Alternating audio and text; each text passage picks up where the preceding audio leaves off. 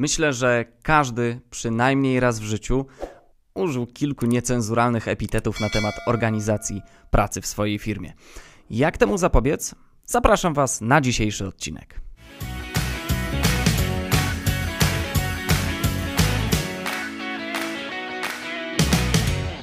O ile z perspektywy pracownika.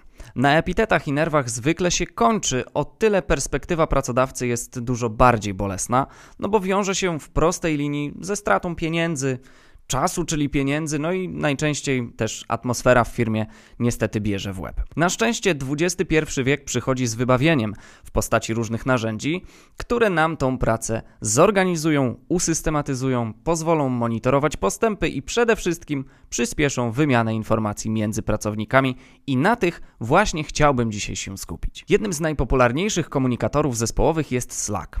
Jest bardzo prosty w użytkowaniu, a jednocześnie oferuje cały wachlarz funkcji. Między innymi pozwala na grupowanie kanałów, na wideorozmowy, czaty prywatne i co ważne, udostępnianie plików.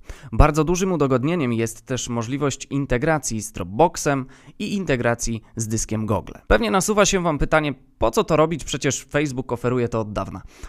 Tak, jest to racja niezbijalna, ale trzeba pamiętać, że nie wszyscy chcą łączyć swoje życie prywatne z zawodowym, choćby wspólnym kontem na Facebooku.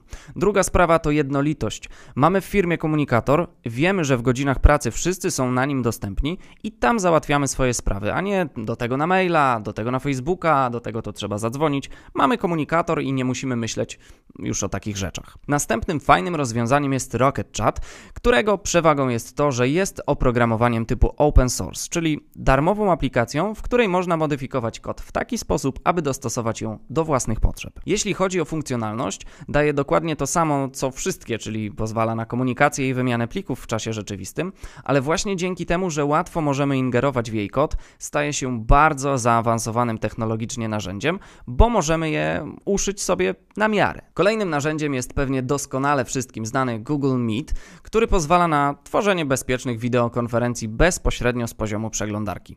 I niech Was to nie zwiedzie, bo funkcji jest naprawdę bardzo dużo.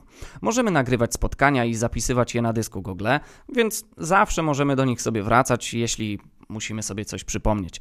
Możemy dodatkowo rozmawiać z aż 250 użytkownikami. Mamy opcję udostępniania ekranu, czatu oraz, co ciekawe, opcję redukcji szumów i poprawy oświetlenia, która no, działa jak działa, ale jest. Następnym rozwiązaniem jest Bitrix 24. Tutaj mamy już zdecydowanie szerszą funkcjonalność, bo oprócz tego co poprzednicy, czyli komunikacji wideo, czatu i wymiany plików, oferuje nam możliwość zarządzania zespołem, jego zadaniami, terminami, które widnieją na planie kalendarza. Bardzo fajna opcja. Daje nam to wgląd w obecność pracowników, raporty wykonanej pracy i katalog wszystkich zatrudnionych do zadania.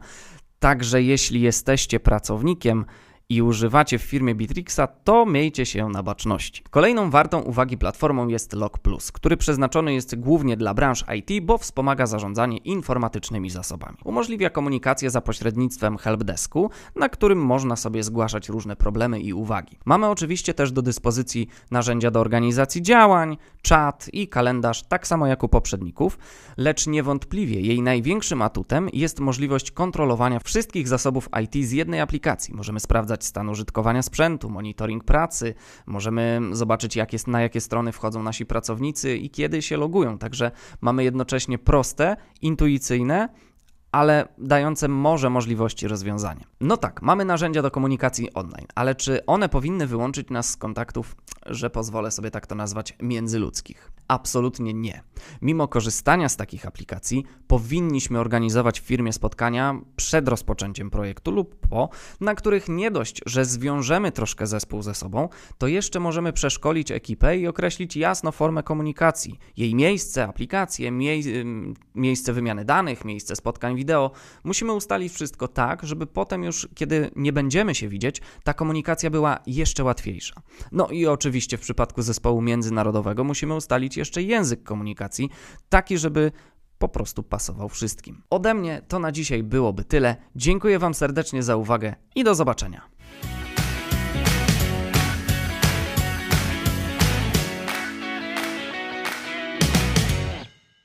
Dogadaj się z każdym człowiekiem na świecie. Przełam bariery w biznesie i na co dzień. Jesteśmy dogadamycie.pl i zadbamy o Twoje tłumaczenia, a Ty słuchasz zawsze dobrych porad z naszego podcastu.